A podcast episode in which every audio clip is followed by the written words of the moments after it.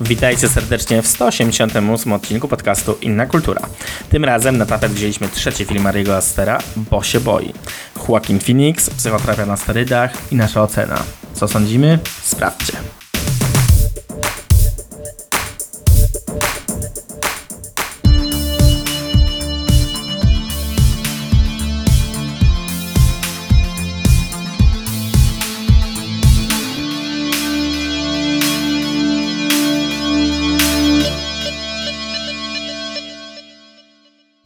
Dzień dobry, witamy bardzo serdecznie w odcinku numer 188 podcastu Inna Kultura. Jest ze mną Julia. Cześć Julia. Cześć, cześć, witaj Janie, witam wszystkich słuchaczy. I jest Michał. Cześć. Cześć, dzień dobry, witaj Janie. Ta formuła musi się zawsze pojawić, więc jest. Cześć Julia też. Cześć, cześć, cześć Michał. Jak tam przed majówką? Jakoś leci. A nie wiem. Nie wiem, bo tak, tak po prostu pytam. No, nie wiem, czy macie jakieś, wyjeżdżacie sobie gdzieś, będziecie może jakieś filmy oglądać albo jakieś inne ciekawe rzeczy. Nie wyjeżdżam nigdzie, ale coś pewnie będę oglądać. To się, to się zobaczy. Jakby nie są sprecyzowane moje plany. No dobrze, dobrze. Dzisiaj będziemy sobie. A jak u was? A u nas? Yy, u nas dobrze. ja nigdzie nie wyjeżdżam. Ja nigdzie nie wyjeżdżam, yy, ale oglądam sobie cały czas jakieś przede wszystkim seriale, ale też muszę trochę filmów pooglądać, na które jesteśmy umówieni na, yy, na za jakiś czas, bo tutaj taki mały mały spoiler, że tak powiem. Będziemy omawiać trochę klasyków kina portugalskiego i Julia, Julia nam trochę, mniej Michałowi przede wszystkim, trochę filmów poleciła do obejrzenia, więc musimy odrobić pracę domową. No i mam nadzieję, że zaraz będę mógł się za to zabrać i już jakieś pierwsze seanse mieć niedługo za sobą. No i w majówkę czeka nas też nowi Strażnicy Galaktyki, także je, je, je. Tak. Prawda? Ki- no, już wchodzą za tydzień. Dobrze wiedzieć. No, ja też się zdziwiłem, że tak szybko, no. Tak, dzisiaj porozmawiamy sobie o najnowszym filmie Ariego Astera pod tytułem Bo się boi, w którym główną rolę zagrał Joaquin Phoenix. Film reżysera, który jakiś czas temu został okrzyknięty jednym z takich nowych nowych, dobrych twórców filmów grozy. Zrobił między innymi, czyli między innymi zrobił w sumie dwa filmy tylko hmm. wcześniej, ale zrobił między innymi uwielbiany przez Julię Midsommar, o którym mm. kiedyś, kiedyś nagrywaliśmy odcinek. Julia była tym filmem zachwycona. Myślę, że nadal jest. Ja go sobie ostatecznie nie powtarzałem, ale chyba bym sobie go nadrobił jakoś w najbliższej przyszłości. No i jeszcze przed Midsommar zrobił Hereditary, którego ja za bardzo nie lubię, co prawda, ale, ale faktycznie można było w tym filmie znaleźć dużo, dużo dobrych rzeczy, a czy takie rzeczy można znaleźć w jego najnowszym filmie, no to o tym opowiemy za chwilę i tutaj kolejny jakiś delikatny spoiler, no będzie się chyba działo w tej dyskusji, mam takie wrażenie, ponieważ e, taki obrót rzeczy jest u nas rzadko spotykany chyba, więc, więc może, może być ciekawie, ale mm, jeżeli jeszcze nie widzieliście filmu, to dobrze byłoby wam powiedzieć, o czym mniej więcej ten film jest. I ten e, ten zaszczyt przypadł tym razem Michałowi.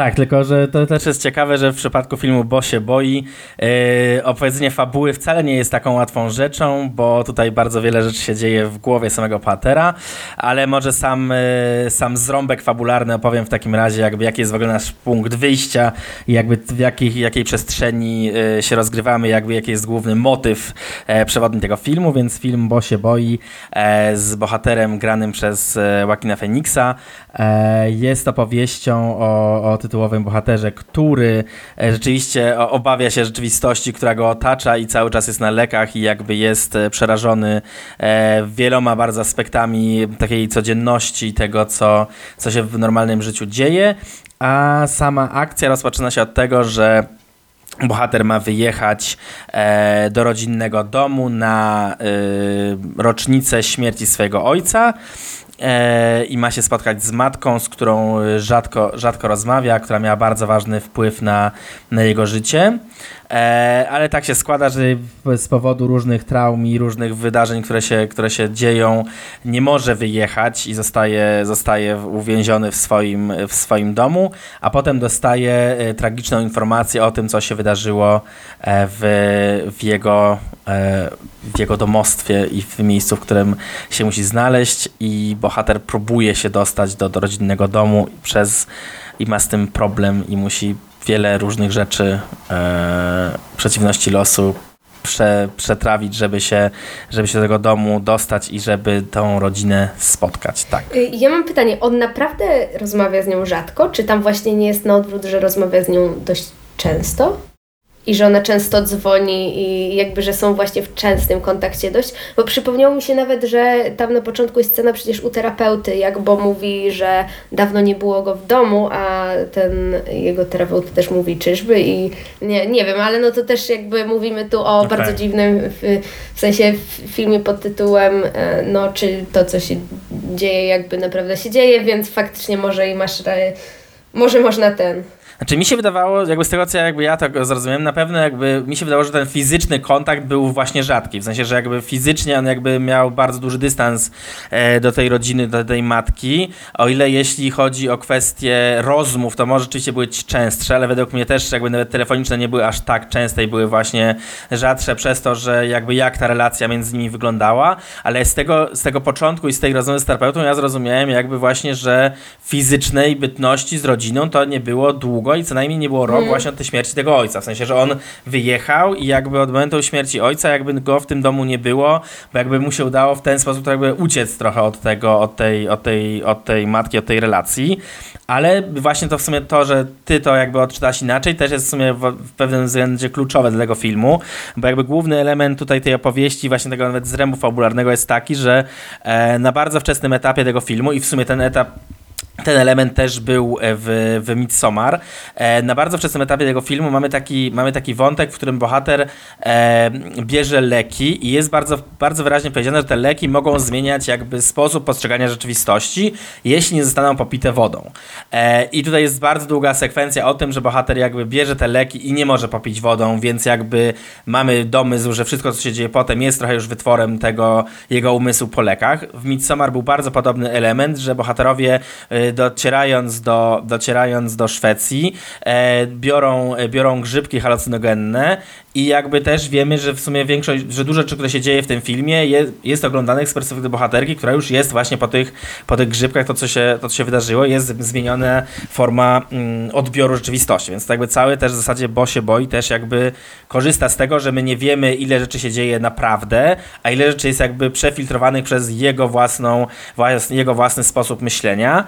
E, I właśnie też bardzo wyraźnie jest ta sekwencja zarysowana że wiemy, że on jakby jest po tych lekach, których nie popił i jakby chyba nie zdążył popić, bo potem udaje mu się rzeczywiście tą wodę znaleźć, ale jakby pytanie jest jakby, czy jakby to nie jest już za późno w tym, w tym etapie tego, co się dzieje. Więc tutaj jest jakby bardzo ważny element właśnie, że ta kwestia odbioru rzeczywistości jest jakby kluczowa dla w ogóle odbioru tego filmu i też zaraz dojdziemy do tego jakby co się, e, co się w związku z tym może podobać, a co się nie podoba e, i jakby jak ten film w ogóle jest prowadzony. Ale jakby jeśli chodzi sam zręb fabularny, no to w zasadzie to jest tylko to, co można w tym momencie powiedzieć, a potem jest dużo elementów, które mogą być w jakiś sposób spoilerowe, więc jakby to taki ogólny zarys bym zaznaczył. Też tylko dodam, że jakby są też trzy, jakby bardzo tutaj w tym filmie bardzo wyraźny jest ta trzyaktowość.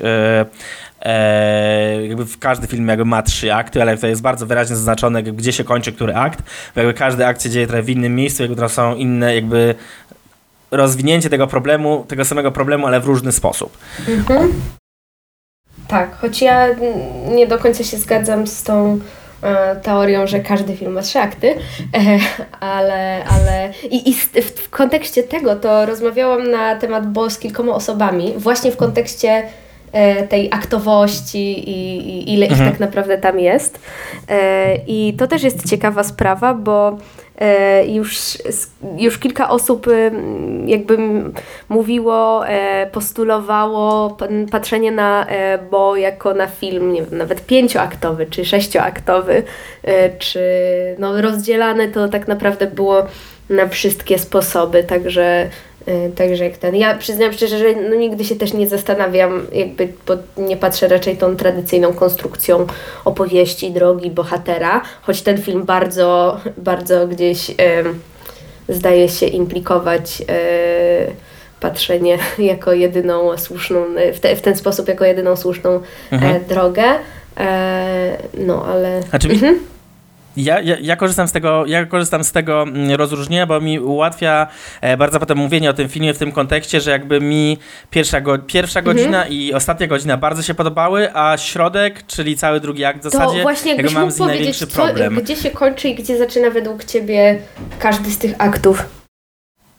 Okej, okay. E, no moim zdaniem drugi akt się zaczyna w momencie, kiedy on trafia do, do rodziny, e, do tej rodziny, która, która ma, e, której syn umarł i, i jakby tam się znajduje i jakby trwa przez cały element łącznie z lasem i się kończy dopiero w momencie, w którym on z tego lasu i kończą się, koń, kończy się las i dochodzi do domu rodzinnego swojego własnego, do domu swojej matki. Tam się według mnie zaczyna jakby ten akt trzeci. Mhm. Ale rozumiem też w tym, o czym ty mówisz, widzę, że można by łatwo podzielić na przykład sekwencje stricte, które się dzieją w lesie jako jeszcze osobny akt i sekwencje końcowe, które się dzieją po domu matki też jako osobny mhm. akt, ale jakby ja bym to więcej, ja to widzę trochę tak mniej więcej podziałem tym godzinowym mniej więcej, okay. e, że właśnie, że pierwsze 40 minut jest jakby tym pierwszym, cały ten środek, czyli i rodzina i las są drugim i jakby potem dom rodzinny matki jest trzecim razem z tą końcówką, która się dzieje w jeszcze innej przestrzeni, która bardzo mi przypominała e, rozwiązania z z filmu Fontriera o Jacku, tak? Dom, który zbudował Jack. W sensie tam mhm. też są bardzo podobny z poziom rozbuchania e, opowieści, bardzo podobny e, też ten kontra, znaczy ten kontekst tego, że mamy jakąś taką postać, która jest wręcz mitologiczna, mhm. tak? Ale no to, to. No, do pewnego stopnia tak. Jan, może ty powiesz tutaj teraz kilka słów od siebie, aby tak rozpocząć naszą krytyczną dyskusję. E, ja tutaj jeszcze zaznaczę jedną rzecz, którą tylko trochę nakreślił Michał, że to jest film dość długi, bo on trwa, on trwa trzy godziny. I znakomicie się wpisał w taką moją obserwację, że co nie, co nie oglądam ostatnio jakiegoś filmu, czy w kinie, czy, czy nie nadrabiam czegoś, bo do kina mi się nie dało pójść, to trafiam na filmy, które trwają trzy godziny. I po prostu nie, wie, nie wiem, co się twórcom zadziało, że ostatnio ten metraż starał się taki popularny, bo na przykład nadrobiłem ostatnio Awatara w końcu, eee, też trzy godziny, chociaż e, tam podobnie jak w przypadku Bo uważam, że ten film mógł być krótszy, ale, ale nie, nie, nie, będę w tą dygresję teraz szedł. Więc e, Bo to jest film trzygodzinny i muszę, muszę powiedzieć, że trochę, trochę się bałem tego seansu, bo tak jak mogłem, mogłem lekko zasugerować, ja z e, poprzednimi filmami Astera no mam taki, taką relację, no e, żadnego z nich jakoś tak mocno nie kocham, a jeden lubię, drugi lubię mniej, więc tak nie wiedziałem do końca czego mogę się spodziewać, zwłaszcza, że zwiastun, który mogliśmy już jakiś czas temu obejrzeć do tego filmu, no nie dawał takiej jednoznacznej wskazówki, jak ten film będzie wyglądać, co oczywiście się chwali, ale no znając do, dorobek reżysera e, wcześniejszy, mm, no tak się zastanawiałem, czy, czy mi to podpasuje, czy, czy może jednak nie, e, czy to faktycznie będzie kolejny film grozy, czy jednak, tak jak sugerował trochę zwiastun, będzie tu, e, nie wiem, czy to będzie dobre słowo, trochę więcej luzu. No więc tak trochę, trochę się bałem, ale stwierdziłem, dobra, nagrajmy w końcu jakiś odcinek, jakiejś premierze we trójkę, więc, więc poszedłem. No i niestety Mm, mnie ten film nie chcę mówić rozczarował, ponieważ to by sugerowało, że miałem jakieś oczekiwania wobec niego, ale e, nie spodobał mi się tak, jakbym e, przynajmniej w minimalnym stopniu tego chciał. E, nawet wręcz mógłbym powiedzieć, że uważam, że to nie był mm, na wielu poziomach dobry film, o czym sobie zaraz pewnie podyskutujemy. I i wiem, że nie jestem w tym, w tym zdaniu odosobniony. Y, kto, kto, z nas oczywiście y, ma jakie ma zdanie, to też zaraz powiemy, ale nad jak czytałem jakieś recenzje, opinie y, i w polskim internecie i zagranicznym, to, to widzę, że ten film no, dość mocno widzów podzielił i krytyków tak samo. Chyba najbardziej ze wszystkich filmów Astera do tej pory. I jestem, jestem ciekaw, co wy będziecie na ten temat myśleć. Czy wynika to z tego, że że może my albo, albo po prostu ludzie, którym się ten film nie podoba, nie zrozumieli tego filmu, e, czy może jest on po prostu przekombinowany na niektórych płaszczyznach i, e, i udaje coś, e, czym nie jest. Jak wam się wydaje? Na pewno nie to pierwsze. W sensie uważam, że ten film korzysta na tyle z bardzo utartych tropów, również przez kino. No, cała ta e, freudowska otoczka przede wszystkim, na którą można zwrócić uwagę, czy nie wiem, e, ten quasi ody, Odyseja, e, powiedzmy. Mm no, to nie jest coś tak bardzo, nie wiem, skomplikowanego w tej swojej warstwie metaforycznej. Chyba, że mówimy tu o takim zrozumieniu się po prostu na poziomie gdzieś um, uczuciowym, emocjonalnym z twórcą filmu i z y, tym tematem, to gdzieś może, okej, okay, że tutaj takie porozumienie bardziej nawet niż zrozumienie. E, może ta druga kwestia, znaczy ja właśnie też tutaj, e, zaczynając już tak się autując, no ja nie jestem fanką tego filmu i to powiem szczerze, bardzo nie jestem jego fanką. I no nie mam absolutnie problemu z jego tą tematyczną warstwą i tak dalej. To jakby wszystko jedno. E, ja mam problem z dwiema kwestiami, czyli po pierwsze, że ten film jest strasznie brzydki w porównaniu do poprzednich filmów Astera, w sensie no, mieliśmy dwa filmy, w których e, Hereditary może się nie podobać, ale jakby mam wrażenie, że niektóre sceny, które tam zostały przez niego umieszczone, bardzo miały ogromną moc takiego odciskania się w pamięci, takiego pozostawiania faktycznie, nawet jeśli na przykład się nie jest osobą, która zapamiętuje jakoś kadry z filmów, to Hereditary było takim filmem, e, które bardzo graficznie podłapywało się po prostu, te tropy wizualne stamtąd. I Midsommar właściwie to kontynuował. Ym, I oczywiście tak, no Aster... Y, właściwie operuje taką typową symetrią e, w tej inscenizacji i to też nie jest jakoś nic wyjątkowego, szczególnie wyjątkowego być może, ale w kontekście tego takiego szaleństwa i, i odklejenia powiedzmy e, tych filmów e, fabularnego, to ten porządek kadru bardzo jeszcze tworzył taki dysonans poznawczy, bym powiedziała, e, powodował bardziej niż tworzył. I tutaj mi tego na przykład zabrakło. Jakby nie wiem, ten film wygląda jak, że tak jakby mógł go wyreżyserować i na, nakręcić, e, tutaj mówię o roli Pogorzelskiego samego, no byle random po prostu.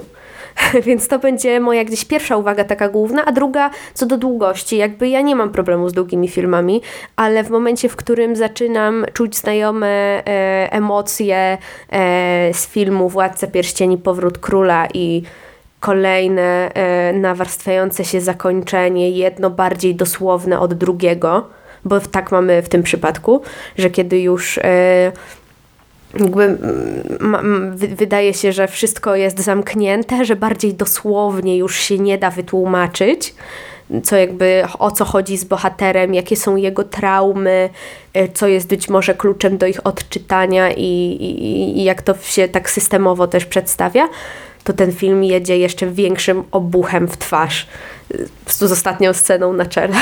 Ta, która w ogóle jest też taka, już taka rozbuchana do, do granic. To w ogóle jest też jakby, to jest właśnie ciekawe w tym filmie to, że właśnie on jest y, tak naprawdę w jakiś sposób opowiada prostą historię, która jest jakby uniwersalna i jakby możemy ją e, łatwo jakby mm, odnosić trochę do, do, do własnych doświadczeń, a z drugiej strony jest taka strasznie formalnie rozbuchana i nie zawsze jakby mam wrażenie, że za tymi elementami e, formalnymi stoi jakaś treść. Znaczy w sensie jakby ten przekaz nadal jest bardzo prosty, a forma jest jakby taka nadmiernie nad, jakby nad, nadmuchana, jakby nie jest to aż tak konieczne do tego, żeby powiedzieć to, o czym on chce powiedzieć, aż tak w taki sposób. Nie wiem jak to, mhm. nie wiem jak to do końca określić, chodzi, że jakby, że mam wrażenie, że momentami jest takie czucie, że to po prostu jest taka no, granie formą dla samego grania formą i też jakby y, bardzo zaciekawiło mnie w sensie to, co powiedziałeś, bo aż tak na to nie zwróciłem uwagi, e, jeśli chodzi o styl tego filmu i tego, jak, jak on jest nakręcony, to rzeczywiście on jest tak nakręcony w takim, w takim stylu, rzeczywiście jakby post factum jakby nie ma bardzo wielu scen, które zostają w głowie na, na dużo dłużej.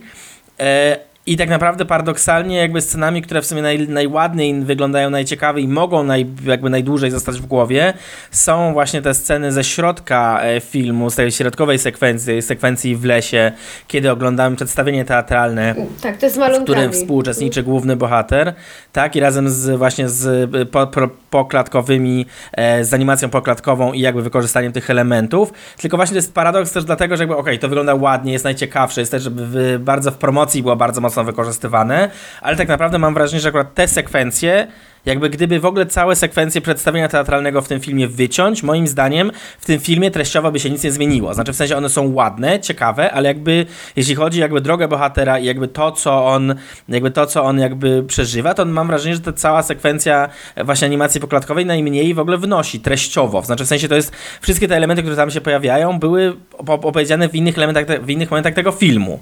Więc jakby to ja mam też taki właśnie y, w ocenie tego filmu mam taki problem, bo właśnie, bo, bo pierwsza godzina mi się bardzo podoba i jakby to budowanie napięcia i jakby bardzo, bardzo prostymi środkami, jakby takimi, że bohater nam mówi, no za chwilę, e, za chwilę nasz bohater spotka taką i taką, taką i taką przeciwność losu, że tak to, to nazwijmy w skrócie.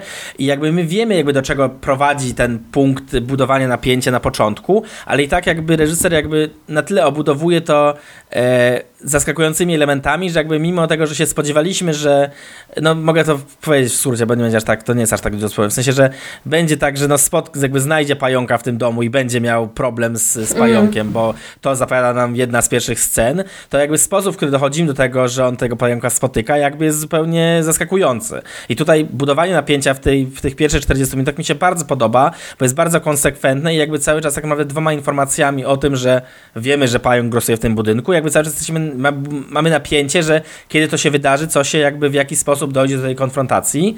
No i to rozbudowanie napięcia jest bardzo ciekawie poprowadzone, bo jest jakby w sposób, którego się nie spodziewamy. Jest jakby dodatkowe, dodatkowe elementy się tam pojawiają, które jakby no, trudno byłoby nam e, przewidzieć, że, się, że będą. Tak samo końcówka. Końcówka, jakby ostatnia sekwencja w domu matki też jest bardzo fajnie poprowadzona i też bardzo fajnie wizualizuje lęki głównego bohatera i jakby pokazuje w bardzo taki dramatyczny sposób, bardzo też obrazowy. Ja miałem też takie poczucie, że tam jedna sekwencja, ta, która mi się je, bardzo podobała, ta w rytm muzyki Mariah Carey, to tam mam wrażenie, że w ogóle tam jest takie nawiązanie trochę e, stylistyczne, kurczę, do, do, do Scary Movie, bo jakby tam sposób jakby ekspresji, e, która tam jest, jest jakby tak przerysowany jakby, że, że właśnie to mi przypomina właśnie taką, taką parodię horroru, ale tak jakby też mam wrażenie, że to jakby jest celowe w tym względzie, że jakby absurd jako sposób na radzenie sobie z traumą jest jakby mechanizmem, ale jakby właśnie tutaj in, jakby w sensie, no, brakuje mi jakichś takich elementów, które by rzeczywiście jakoś spinały całą tą, całą tą środkową sekwencję.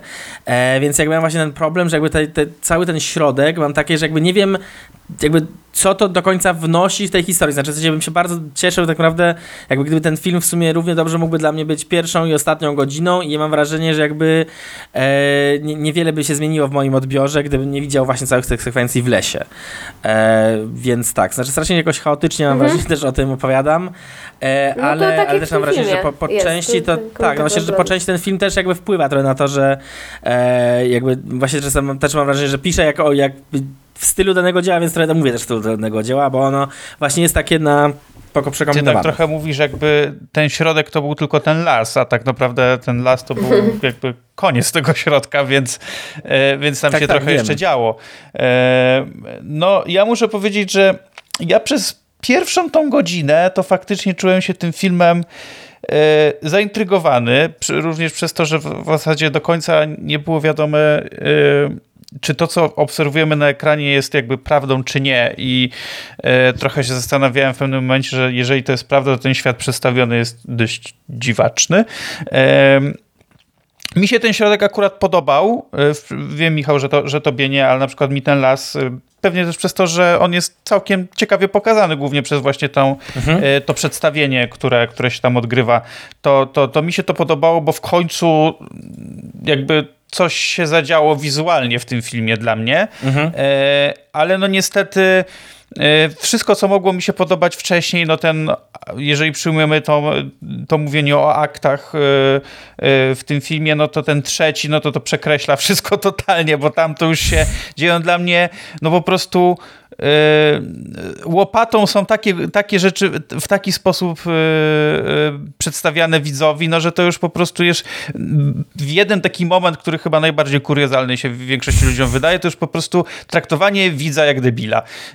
I, I mnie się to trochę nie podobało, zresztą jakby no, sposób tego przedstawienia też moim zdaniem był taki, że można było zrobić to na trochę dużo innych sposobów, e, więc jakby e, tu, tu już na chwilę ten wywód skończę, że końcówka niestety przekreśliła dużo rzeczy, które mogły mi się podobać w tym filmie i które mi się nawet podobały, ale też się zgadzam z tym, co Julia wcześniej powiedziała i ty Michał potwierdziłeś, że no w zasadzie ten film mógł wyreżyserować ktoś z innym nazwiskiem równie dobrze, no bo jakby tu nie ma czegoś takiego, co by mnie faktycznie yy, jak słyszę Aster, no to dwa poprzednie filmy od razu mam przed oczami, nawet, nawet to Hereditary, którego za, za którym nie przepadam, to też jak Julia powiedziała, tam są tam są kadry, które od razu kojarzysz, że w tym filmie były. Mhm. E, zresztą tam to budowanie napięcia w ogóle było bardzo ciekawie zastosowane i w Midsommar oczywiście też.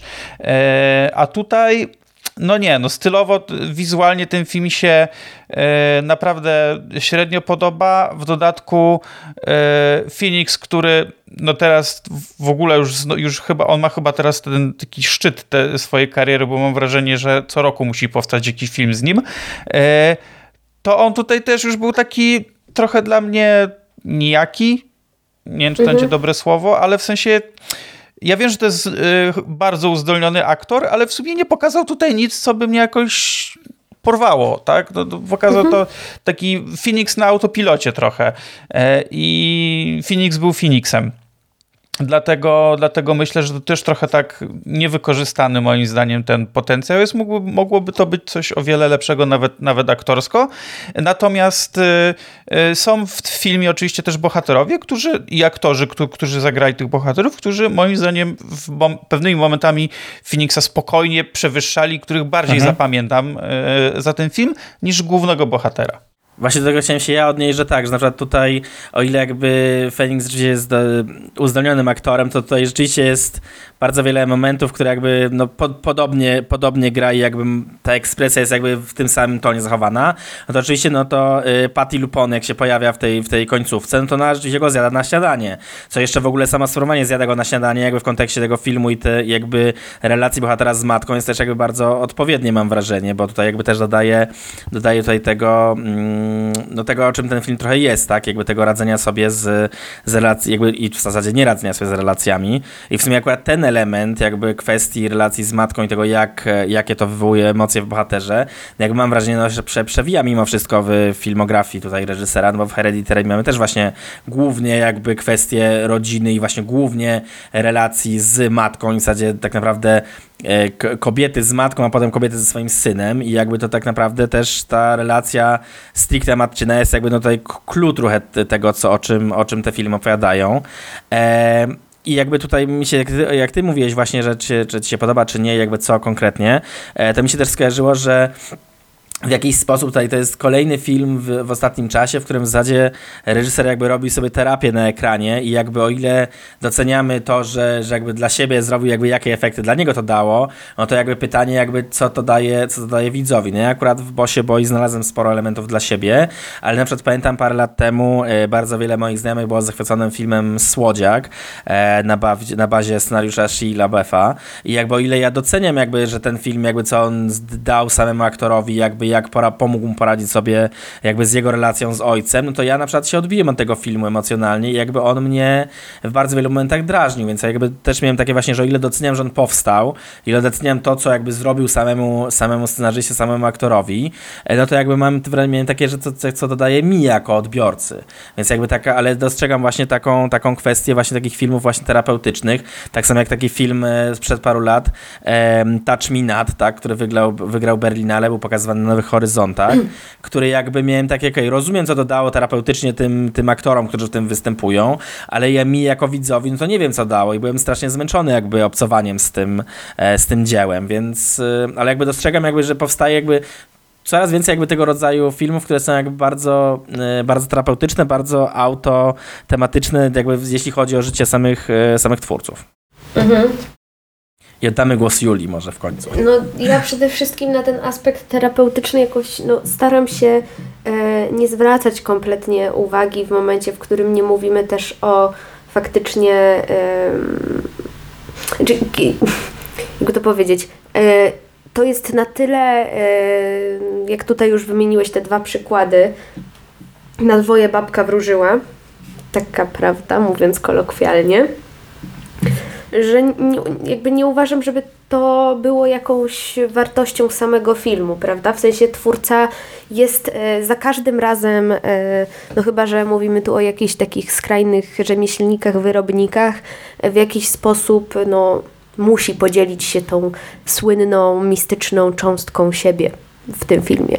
Więc Mhm. nawet kiedy nie zderza się tak bezpośrednio e, z jakąś relacją mm, z rodzicem, z matką i tak dalej i nie mówi o tym tak głośno, e, no to jakby e, za każdym razem na pewno film ma jakąś swego rodzaju rolę przejścia pewnego procesu wraz z tym filmem i historią, jaką się przelało, więc jakby nie mam kompletnie wyrzutów sumienia, żeby powiedzieć film, że film, który e, Ariemu zrobił dobrze jako człowiekowi, e, bo mu tam mógł się uporać z pewnym problemem czy coś, e, jest e, słaby.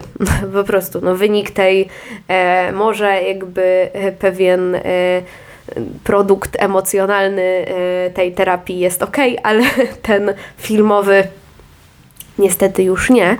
E, I jak mówiłam o. Jak rozmawialiśmy trochę tutaj, gdzieś wy mówiliście o tym wątku komicznym. E, czy ty, tak, ty mówiłeś, Michał, o Scary Movie i, w kontekście tej sceny z Marią Carey. Jakby Ari Aster już w poprzednich filmach był moim zdaniem śmieszny, szczególnie w Hereditary. E, Hereditary jest moim zdaniem prześmiesznym filmem. E, jest tak absurdalnym horrorem, e, tak bardzo odklejonym, skupionym na takiej znów bardzo dosłownej symbolice, może nie tyle no, dosłownej i, i bardzo rzucającej się w twarz i postaciach, które wręcz mają komiksowe charaktery. Przypomniała mi się ostatnio scena, w której dwie sceny z Hereditary. Pierwsza to jak ten y, Peter miał ten syn, czy no, ten, ten syn, co go gra jeden z braci Wolf. Em, Mhm. Nie pamiętam jak się nazywa, ale tak, wiemy w, z kogo chodzi. tyłu e, otwierają się za nim drzwi, już jestem gdzieś po wszystkim praktycznie, otwierają się za nim drzwi, jest ciemno, a tam widać takiego nagiego dziadka, który się uśmiecha. Jakby top scena, absolutny i jakby ona jest tak absurdalnie, ona jest oczywiście ograna na ciszy absolutnej i, i śmieszy. Jakby jest, jest super śmieszna. A druga scena to e, jak e, Toni Collette z sufitu e, leci na swojego syna i on przez okno się jakby na łeb i później wiemy co jest dalej. E, Tak, powiemy z tak, końcówkę. jest końcówkę, czyli wstaje i, i, i idzie i, i końcówka też jest jakby e, ujmująca e, pod względem swojego komizmu. I są też takie sceny w Midsommar, w których on e, ogrywa cały absurd. W Midsommar to bardziej się też przenosi na poziom dialogu i relacji między tymi bohaterami przyjezdnymi, a tą społecznością. To jest pewna taka świadomość, ten, ten komiks op- operuje na świadomości, że ten absurd już tam jest. Że on e, jest jakby jak najbardziej organicznym, powiedziałabym, że nawet immanentnym elementem tych scen. Jakby nie da się go z niego wy, ich wy, wy, wyłączyć właściwie. Nie da się pokazać tych scen na poważnie, całkowicie. E, W sensie, mm, jakby te sceny nie będą w wydźwięku poważne, bo ten absurd tam jest. W Bo jest na odwrót. Em, Mam poczucie, jakby Ari Aster bardzo chciał nadać absurdu na sceny, w których tak, on już jest, przez co one wychodzą trochę za bardzo i daje to efekt moim zdaniem właśnie takiej parodii ala, ala straszny film y, itp. itd. E, coś, coś w tym stylu. Mhm. E, kompletnie nie korzysta z tych, e, z tych absurdów, które właśnie mam jedną sekwencję, w której gdzieś ten, czyli cała postać Menochet. e, tego, tego kolegi zmarłego żołnierza, tego, który mieszka w przyczepie Tak, kempingowej na podwórku.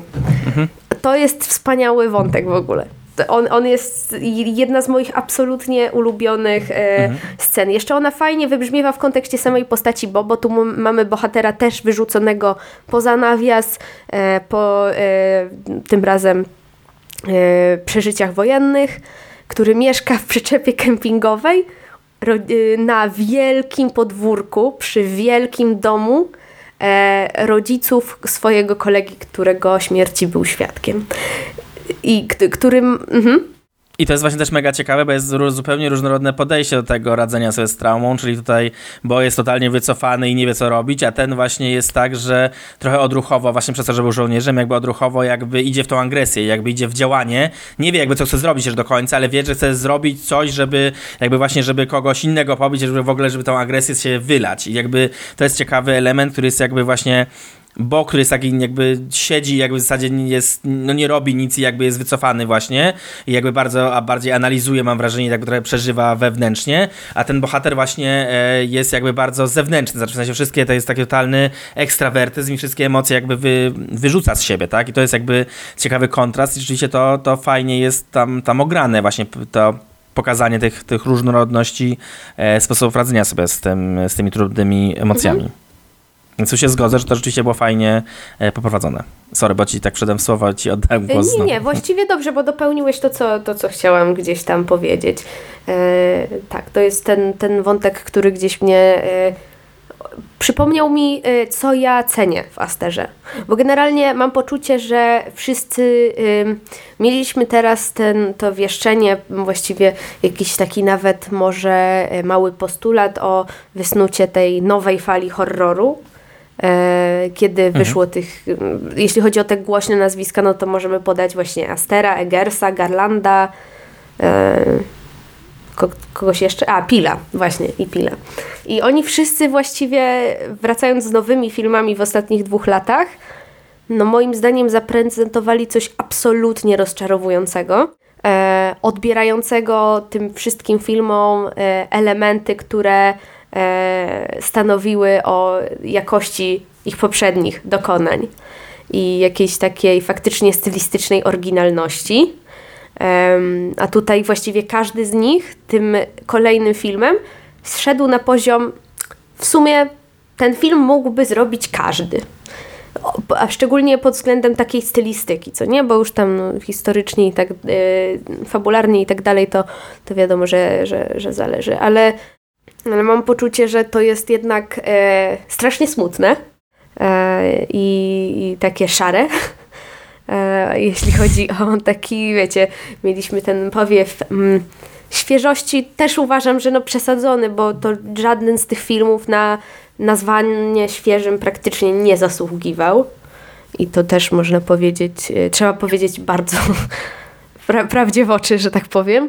E, ale to, co widzimy teraz, czy przy e, Men e, Garlanda, czy przy e, Eggersie i Northman, którego ja akurat, no, mówię, nie lubię, czy przy Nope Pila, które jest e, bardzo złym filmem, czy tutaj mam poczucie jakiegoś takiego upadku po prostu. Szybkiego dość, bo przy trzecich filmach to może jednak by wypadało jeszcze trochę poziomu utrzymać, ale yy, no, co, co kto lubi.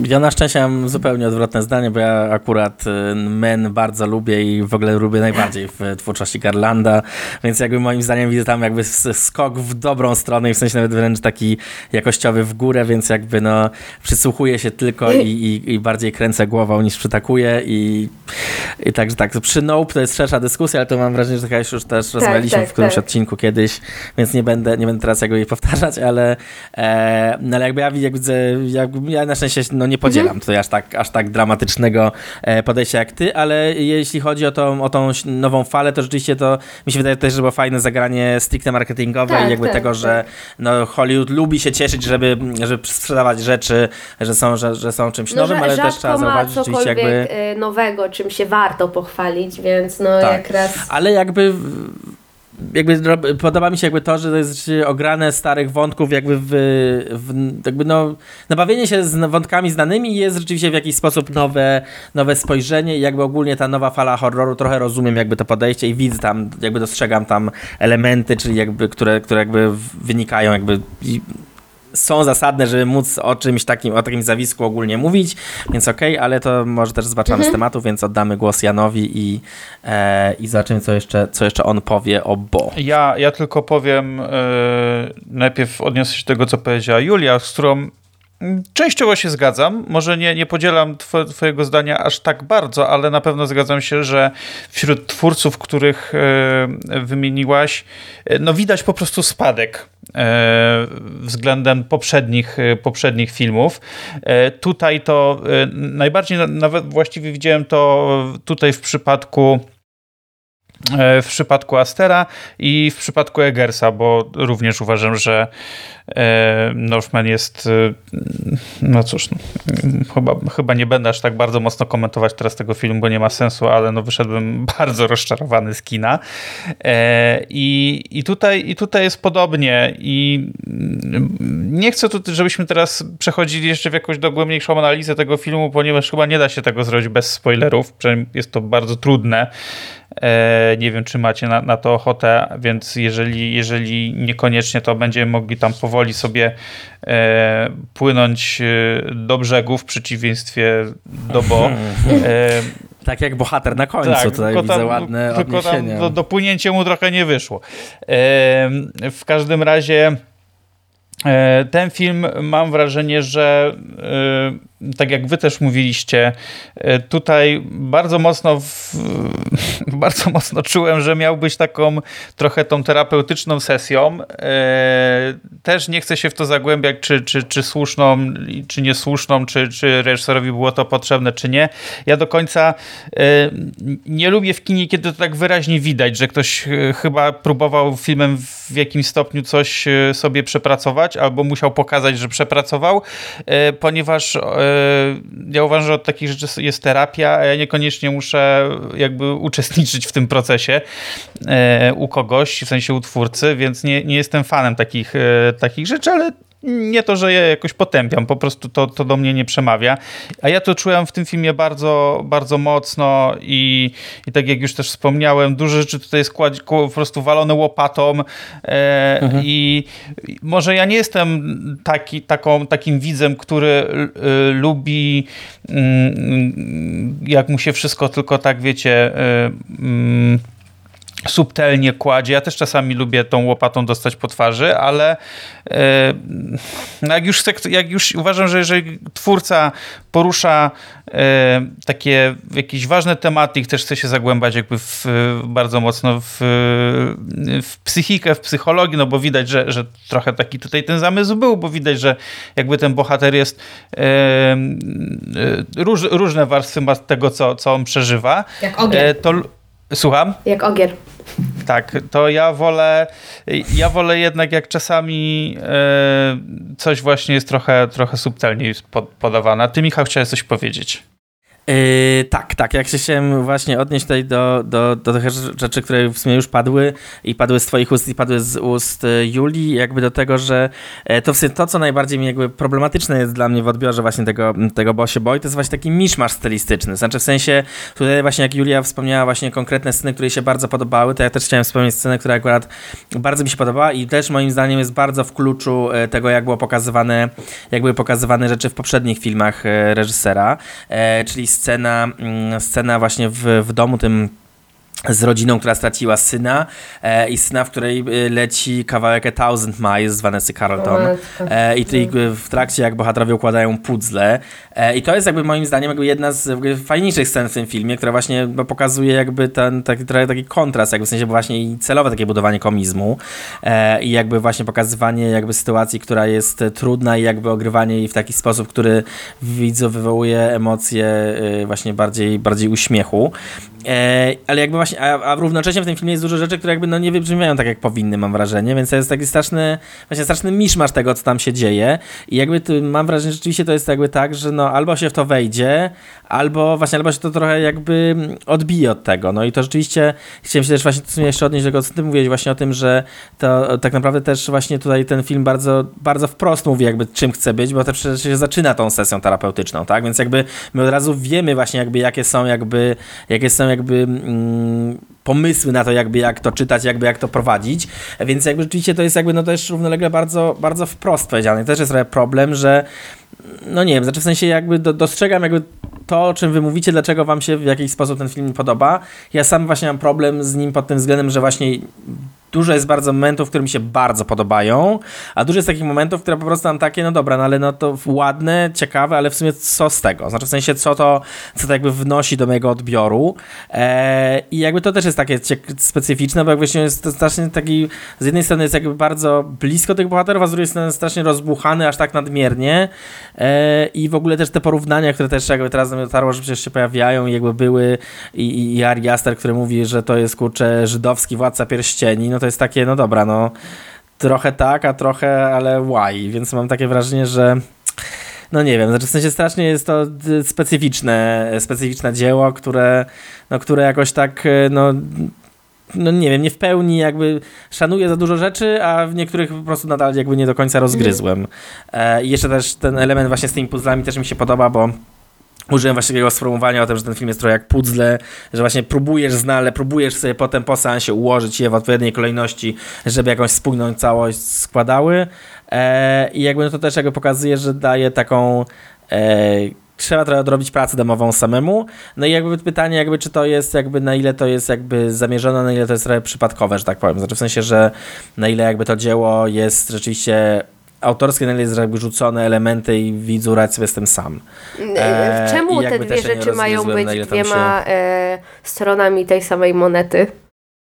Autorskość versus y, złożenie z różnych elementów i zostawienie do interpretacji.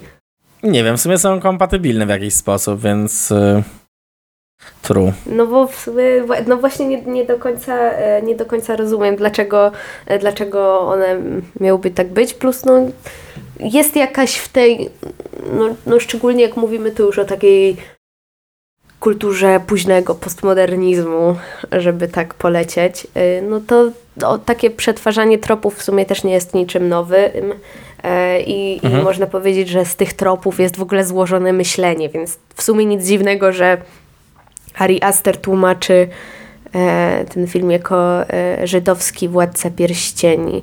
Chyba w Graczu Altmana jest taka scena właśnie, gdzie e, jeden z bohaterów mówi, sprzedaje film, porównując go do dwóch innych filmów i, i coś takiego, to mam wrażenie, że jest pewna taka pewna taka myśl, e, szczególnie w promocji e, zawsze, żeby co mhm. nie, je tak sprzedawać e, jako dziecko dwóch filmów i jeszcze najlepiej, jakby to były, znaczy kwestia, kwestia żydowska nie jest raczej filmem, ale no załóżmy tożsamość, duch i tak dalej, plus coś na przykład. Mhm. I najlepiej jeszcze jakby to w ogóle naj, najmniej jak się da do siebie przystawało totalnie z dwóch różnych mhm. bajek, więc, więc też nie do końca e, czuję jakby to było jakby... W, znaczy, miało... Ja tu nie bardzo czuję tego Władcy Pierścieni tak, do końca, to jakby ten znaczy, element. Mo może, że ta jakby podróż. Rozum, czuję, czuję, albo chyba, zakończenia. bo czuję tą Odyseję, tak, tak. Czuję, tą, czuję, czuję, tą, to, czuję tą drogę, ale jakby nie... No chyba, że uznamy, że to jest tak, że Władcy Pierścieni jakby musi iść, żeby zwalczyć i wrzucić jakby pierścień do jego zniszczyć, więc tutaj może pod tym względem, żeby zniszczyć swoje traumy w jakiś sposób, no ale jakoś no, no nie... No, no to jest jakby... łączy może trochę taka podróż, która ma jakiś cel określony, ale w gruncie rzeczy jest pod nią schowany zupełnie inny cel i jakieś takie dojrzenie e, do, do pewnych decyzji, do pewnych e, zakończenia pewnego, mm, pewnego takiego, nie wiem jak to powiedzieć, nas, tak naprawdę nastoletniego, bo w tym przypadku nadal mówimy trochę o późno nastoletnim takim procesie dojrzewania do dorosłości, do samodzielności, do pewnej takiej autonomii. Mhm. E, no i tak jak Jan powiedział, że może to jest taka po prostu e, samokrytyka Ariego Astera, że tak, wiem, że ten film się kończy w nieskończoność. Może, no mo, może tak, bo tam ta końcówka rzeczywiście jest taka, że w ogóle jakby wydawało mm. tak, to jest prawda, że w ogóle tam się wydaje, że się kończy ten film, po czym masz tą sekwencję na łodzi, która jest taka, no okej, okay jakby mam takie, no dobra, no fajnie, że, ale, ale no i co? Właśnie to jest dużo takich elementów, że mam takie, no dobra, no i Ja, so ja powiem szczerze, że miałam nadzieję, że Więc... ten film się skończy już na tej scenie, w której on przyjeżdża do domu e, i słucha tam jest, e, a wiem, e, Anything I Own chyba jest, mhm. tak? Wpuszczone. I schodzi i idzie i śpi na tej kanapie. Myślałam, że to się na tym momencie skończy, że całej sceny dalszej, nie, że, że ani nie będzie tej już osławionej sceny na strychu, ani że nie będzie tej tak. tego osławionego zakończenia, choć jeśli chodzi o te też wizualne tropy, jak mówiłam, to myślę, że to zakończenie ma coś w sobie, ale może też dlatego, że jest na napisach końcowych przez cały czas widoczne, no że jest trochę się utrwala gdzieś w pamięci ta arena i łódka. Yy, no ja bym nie chciał, żeby się kończył, jak on idzie spać, bo wtedy byśmy nie dostali całej sceny seksu, a cała scena seksu jest w sumie e, genialnie poprowadzona no, właśnie nie lubię, to może dlatego. więc to akurat... Mhm. E, nie, to ja właśnie mi się bardzo podobał ten moment, w sensie to jest takie, no jest turbo przerysowany, ale jakby e, no właśnie tak turbowizualnie pokazany jakby ten problem, który ma bohater jakby dlaczego się boi, czego się boi i jakby ja to, ja to szanuję w sumie tutaj ten i też to, to stylistyczne zagranie, które tam, które tam dzieje się. No ale tak, ale właśnie no, cała, cała sekwencja z łódką jest taka już dodana na siłę rzeczywiście i jakby ja też mam takie, no dobra, no ale no i, i co, ale tu właśnie też dostrzegam właśnie tego, tego Jacka, bo Jack w sumie też, w sensie dom, który zbudował Jack, w sumie też się kończył takim, takim elementem, który też właśnie schodzimy do podziemia, tak? Schodzimy do podziemia z Wergiliuszem i rozmawiamy o, o, o, o naszych przewinieniach, więc y, ale jakby poza jakby tym odniesieniem, to jakby też właśnie mam taki problem trochę, co z tym, co z tym fantem robić, jakby co ta końcówka wnosi do końca. Więc mimo tego, że minęły dwa tygodnie, nadal nie ułożyłem sobie w pełni tego filmu w głowie, ale jakby koniec końców, jakby w sensie mimo wszystko te elementy, które ja pozytywnie odebrałem, jakby nadal mi przeważają. W sensie jakby ja szanuję ten film, ale o ile jakby do Hereditary i do Midsommar jakby mam ochotę wracać i na przykład do Midsommar na pewno chcę w końcu wreszcie zobaczyć tą wersję reżyserską, e, no to tyle właśnie do, do Bosie Boy na razie jakby nie mam takiego parcia, żeby, żeby na pewno wracać i jakby tutaj mhm. rewatchować i jakby się zgłębiać. Um, ale jakby no coś, yy, o ile właśnie tam mam też wrażenie, że o ile tamte filmy ze mną siedzą i będą siedziały na dłużej, to z tym no właśnie nie wiem, co będzie. Znaczy w sensie e, zastanawiam się, że gdyby nie ta, że mamy tą dyskusję, to trzeba nadal bym jakoś tak, tak o nim myślał i jakby rozważał. Kto wie, może, może Aster A... zrobi wersję reżyserską, w której będzie dodatkowe trzy zakończenia i wtedy dopiero będzie Władca Pierścieni. Może. W sumie na przykład y, y, Donnie Darko w wersji reżyserskiej jest dużo bardziej zrozumiały niż, niż w wersji kinowej, więc y, who knows. No.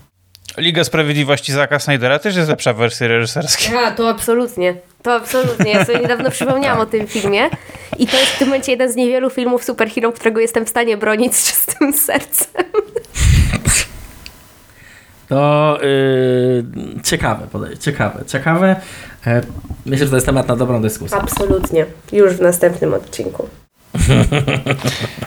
Dobra, słuchajcie, czy chcielibyście coś, jeszcze coś dodać? Bo myślę, że trochę żeśmy sobie omówili ten film bez wchodzenia w jakieś wielkie, wielkie spoilery. E, jakby, jakby co, może kiedyś zrobimy jakąś większą analizę niektórych rzeczy, jakbyście chcieli. E, ale ja uważam, że na ten moment możemy skończyć, chyba że faktycznie macie coś jeszcze do dodania. A tak, ja bym dodał tylko jedną rzecz, która w sumie a propos ogólnie Ariego Astera i w sumie tego, tego stylistycznego rozróżnienia tych filmów, to e, mam wrażenie, że właśnie, że w Bosie Boi jakby bardzo dużo rzeczy jest jakby mówionych, mniej pokazywanych i właśnie bardzo mówionych wprost i jakoś tak e, bardzo się stara, żeby jakby no oddać ducha tego, co chce przekazać, a jakby e, jakby moim zdaniem takim opus magnum tego, co Aster zrobił jest początek Midsommar, w którym w zasadzie e, pierwsze 10 minut jakby w zasadzie prawie bez słów jakby pokazuje całą drogę bohaterki, cały jej dylemat i cały problem. I jakby to jest jakby w pełni zrozumiałe, w sensie jest rozdzierające serce, jest super nakręcone i jakby dużo lepiej w tych 10 minutach on opowiada o traumie i o tym jakby czego się bohaterka boi, niż w zasadzie w całym Bo, który mimo wszystko mi się podobał, ale jakby mam wrażenie, że e, w tych 3 godzinach powiedział mniej i jakby mniej emocjonalnie niż w pierwszych 10 minutach Midsommar. Absolutnie. O.